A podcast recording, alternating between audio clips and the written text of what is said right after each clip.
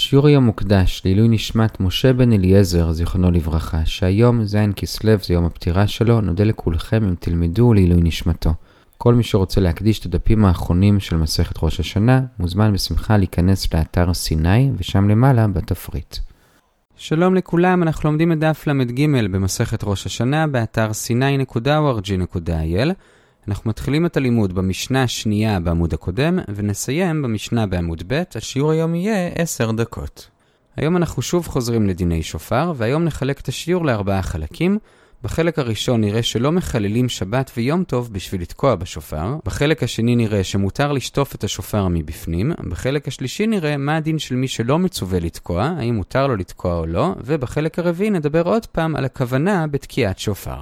אז אנחנו מתחילים בחלק הראשון, אומרת המשנה שלא מחללים שבת ויום טוב בשביל לתקוע בשופר. מה הכוונה? אז המשנה מביאה דוגמאות שונות למצבים שונים שבהם בשביל לתקוע בשופר אנחנו צריכים לעבור על איזשהו איסור, והדין הוא שאסור לעבור עליו אפילו אם זה אומר שלא נתקע בשופר. עכשיו, המשנה מחלקת את הדוגמאות לשלוש קבוצות, נאמר אותם מהקל לחמור. הקבוצה הקלה זה איסורי דרבנן רגילים, למשל תחום שבת, כלומר למשל שאני צריך ללכת מחוץ לתחום שבת בשביל לשמוע שופר, כי רק שם יהיה שופר, או למשל שהערימה של אבנים נפלה על השופר ואני צריך להזיז את האבנים בידיים בשביל להוציא את השופר, שזה איסור מוקצה. זאת הקבוצה הראשונה של איסורי דרבנן, אסור לעבור על זה בשביל לתקוע בשופר.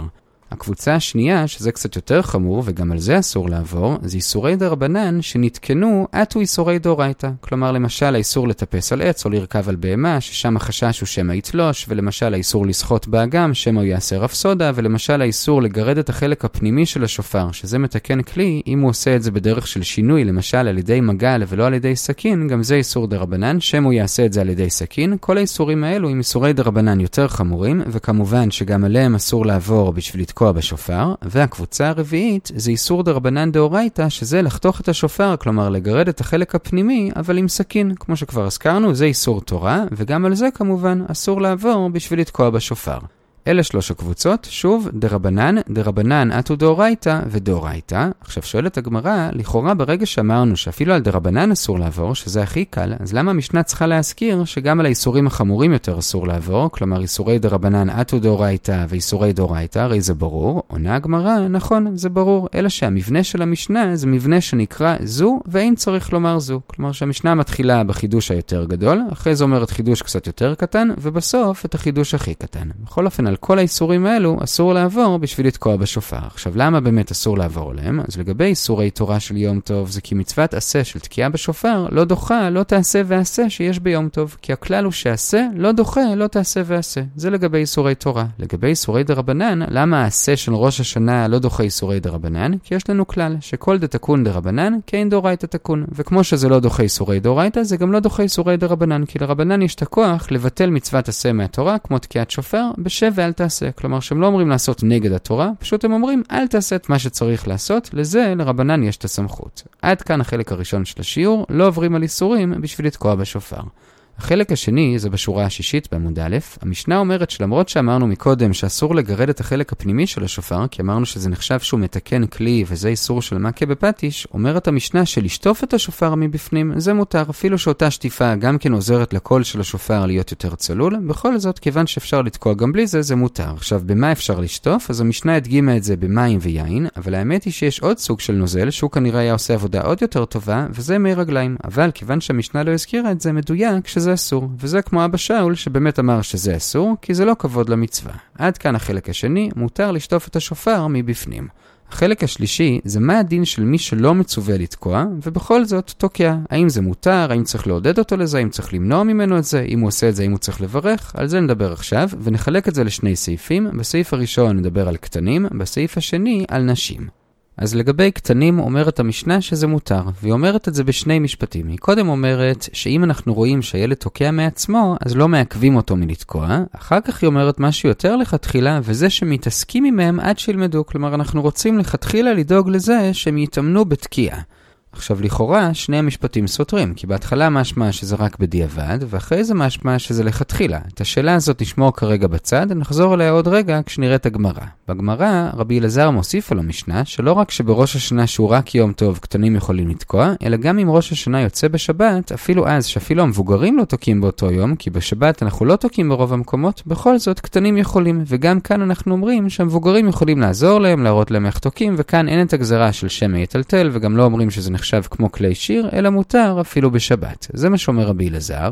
ועכשיו הגמרא מביאה ברייתא שנוציא ממנה שני דברים. דבר אחד זה שהברייתא אומרת בפירוש שזה גם כשראש השנה יוצא בשבת. גם אז קטנים תוקים. דבר שני זה שגם בברייתא יש את אותה סתירה שהזכרנו שיש במשנה. בברייתא זה קצת יותר חריף, כי שם המשפטים הם הפוכים. כלומר, קודם כתוב שאנחנו מעודדים את הילדים לתקוע לכתחילה, ואחרי זה כתוב שאם הם תוקים לא עוצרים אותם, שזה כאמור לכאורה סתירה, ועל זה עונה הגמרא, ומתוך זה גם נפרש את המשנה שלנו לפי הרבה ראשונים, וזה שזה תלוי באיזה גיל מדובר. אם זה קטן שעוד לא הגיע לחינוך, אז רק לא מעכבים אותו, אבל לא מעודדים אותו לכתחילה. אבל אם זה קטן שכבר הגיע לחינוך, אז מעודדים אותו לכתחילה. וכך אפשר להסביר גם את המשנה שלנו, וכאמור זה גם בראש השנה שיוצא ביום חול, וגם כשזה יוצא בשבת. עד כאן הסעיף הראשון לגבי מי שלא מצווה לתקוע, ועכשיו אנחנו עוברים לסעיף השני, שזה מחזיר אותנו קצת אחורה בעמוד א', ממש לאמצע העמוד, וזה לגבי נשים. עכשיו לפני שניכנס לנושא של תקיעת שופר לנשים, קודם נראה נושא אחר לגמרי, וזה לגבי סמיכה על קורבן. יש מצווה שמי שמביא קורבן, סומך עליו את שתי ידיו, כלומר נשען עם שתי הידיים על הראש של הקורבן, והגמרא לומדת שזה דווקא לבני ישראל, כלומר לגברים, אבל נשים, גם כשהן מביאות קורבן, הן לא צריכות לסמוך על הקורבן. עכשיו יש מחלוקת, מה קורה אם אישה בכל זאת רוצה לסמוך? רבי יהודה אומר שהיא לא יכולה, רבי יוסי ורבי שמעון אומרים שהיא יכולה. מה המחלוקת? זה שני הסברים עיקריים. הסבר אחד זה רש"י, שהוא אומר שהשאלה כאן זה אם זה בל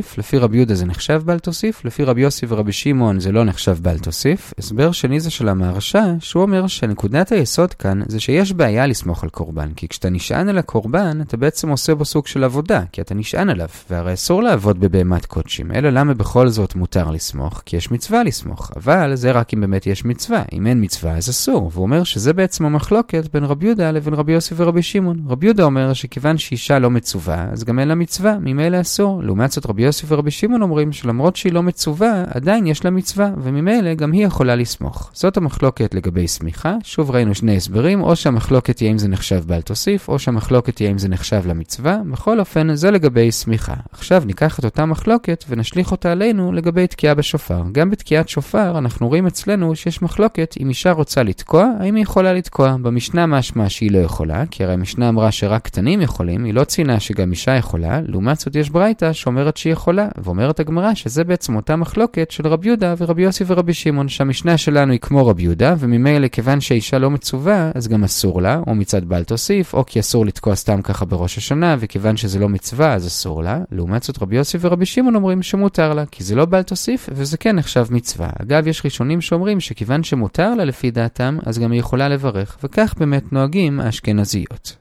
עד כאן לגבי נשים, ועד כאן החלק השלישי של השיעור לגבי מי שלא מצווה. החלק הרביעי והאחרון של השיעור, זה בשורה השנייה בעמוד ב', זה לגבי כוונה בתקיעת שופר. נזכיר שכבר בדף כ"ח דיברנו על שלוש רמות של כוונה, כשנדגיש שאנחנו לא מדברים כאן על כוונה לחזור בתשובה וכוונות מהסוג הזה, אלא כוונות יותר הלכתיות. הרמה הגבוהה זה כוונה לצאת ידי חובה, רמה מתחת זה כוונה לעצם המעשה, למשל תוקע לשיר, כלומר שהוא תוקע בשביל לנגן, הוא לא מתכוון לצאת ידי חובה, אבל הוא כן מתכוון לתקוע בשביל לנגן. רמה מתחת זה שהוא אפילו לא מתכוון לעצם המעשה, למשל שהוא סתם נשף בשופר ובמקרה יצא לכל. זה נקרא מתעסק. עכשיו איזה רמה צריך? צריך, אז שם בדף כ"ח למדנו שמצד אחד מי שתוקע לעצמו, רבא אומר שהוא לא צריך את הרמה הגבוהה, כלומר הוא לא צריך כוונה לצאת ידי חובה, זה נקרא שמצוות לא צריכות כוונה, אבל הוא כן צריך כוונה לעצם המעשה, ולכן מי שתוקע לשיר יצא ידי חובה, אבל מי שרק מתעסק לא יצא ידי חובה. זה מצד אחד. מצד שני רבי זיירה שם אמר שאם אדם לא תוקע לעצמו, אלא הוא גם רוצה להוציא אחרים, אז הוא כבר כן צריך כוונה להוציא אחרים, שם ראינו שזה מחלוקת תנאים. זה מה שראינו שם, עכשיו ננסה לראות מה דעת המשנה במשנה שלנו לגבי שתי הנקודות האלו. האם אדם בעצמו צריך כוונה, והאם הוא צריך כוונה כשהוא רוצה להוציא אחרים. אז לגבי זה נראה שני משפטים של המשנה. דבר אחד זה שהמשנה אומרת שמי שמתעסק לא יצא ידי חובה. עכשיו מכאן אפשר לדייק שזה כמו רבה, כלומר מתעסק לא יצא ידי חובה. אבל רמה אחת מעל זה, תוקע על השיר, כן יצא ידי חובה, כמו רבה, שאמר שמצוות לא צריכות כוונה. כלומר מספיק הרמה השנייה ולא צריך את הרמה השלישית. אבל דוחה הגמרא, לא. יכול להיות שבאמת המשנה שלנו סוברת שגם תוקע על השיר לא יצא ידי חובה, וזה שהיא אמרה רק שמתעסק לא יצא ידי חובה, יכול להיות שזה פשוט שאלה של הגדרות. כלומר שכשהמשנה אומרת את המילה מתעסק, מבחינתה היא התכוונה גם למילה מתעסק וגם לתוקע על השיר. גם לזה היא קראה מתעסק. כלומר שלדעתה אולי באמת גם תוקע על השיר לא יצא ידי חובה. אז ניסינו להביא מכאן ראיה לרבה ודחינו. המשפט השני במשנה זה שהמשנה אמרה שמי ששומע מהמתעסק, גם הוא לא יצא ידי חובה. עכשיו, מכאן לכאורה אפשר לדייק שמי ששומע ממישהו שהוא ברמה יותר גבוהה ממתעסק, למשל מישהו שתוקע בשביל להוציא את עצמו ידי חובה, אז הוא כבר כן יצא ידי חובה. כלומר, מכאן שאני לא צריך שאותו תוקע יכוון להוציא גם אותי. מספיק לי שהוא תוקע לשיר, או אפילו תוקע בשביל להוציא את עצמו, אבל הוא לא צריך לכוון בשבילי. אז זה לכאורה קשה לרבי זיירה, שאמרנו שכשהוא רוצה להוציא אחרים, אז הוא כן צריך לכוון בשבילם. עונה הגמרא, לא. יכול להיות שבאמת גם המשנה היא כמו רבי זיירה, שבאמת כן צריך לכוון להוציא. ולמה המשנה בכל זאת רק אמרה שמי ששומע מהמתעסק לא יצא ידי חובה? למה היא לא אמרה יותר מזה, שגם מי ששומע ממישהו שכן כיוון להוציא את עצמו ידי חובה, גם הוא לא יצא ידי חובה, אם ההוא לא כיוון להוציא אותו? היא פשוט לא אמרה את זה אגב הרישה. כלומר, כיוון שבמשפט הקודם היא דיברה על מתעסק, אז גם במשפט הזה היא דיברה על מתעסק. אבל האמת היא שאולי אפילו אם הוא כן כיוון להוציא את עצמו, אם הוא לא כיוון להוציא אחרים, גם אז האחרים לא יצאו ידי חובה, כמו רבי זיירה. עד כאן החלק הרביעי של השיעור לגבי כוונה, ניסינו להביא ראייה לרבה וניסינו להקשות על רבי זרע, ואת שני הדברים דחינו. בזה הגענו למשנה בעמוד ב', נעצור כאן, נחזור על מה שראינו.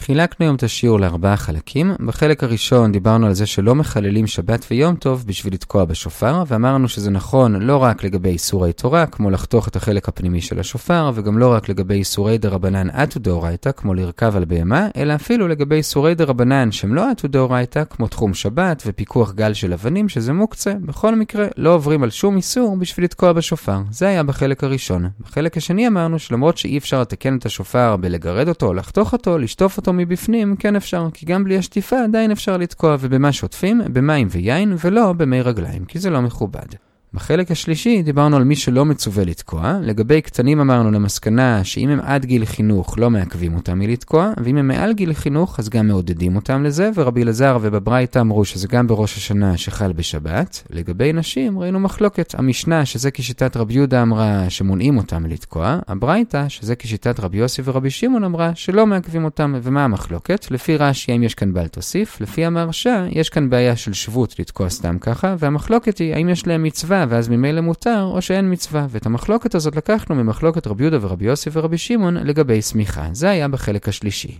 בחלק הרביעי דיברנו על כוונה בשופר, דיברנו על שלוש רמות של כוונה, כוונה לצאת ידי חובה, תוקע לשיר ומתעסק. ראינו בדף כ"ח שלפי רבה לא צריך כוונה לצאת ידי חובה, מספיק כוונה לעצם המעשה, כמו בתוקע לשיר, אבל רבי זיירה אמר שאם הוא רוצה להוציא אחרים, אז כבר כן צריך כוונה. ניסינו להוכיח מהמשנה שלנו ראייה לטובת רבה ולהקשות על רבי זיירה, אבל את שני הדברים דחינו. כל טוב.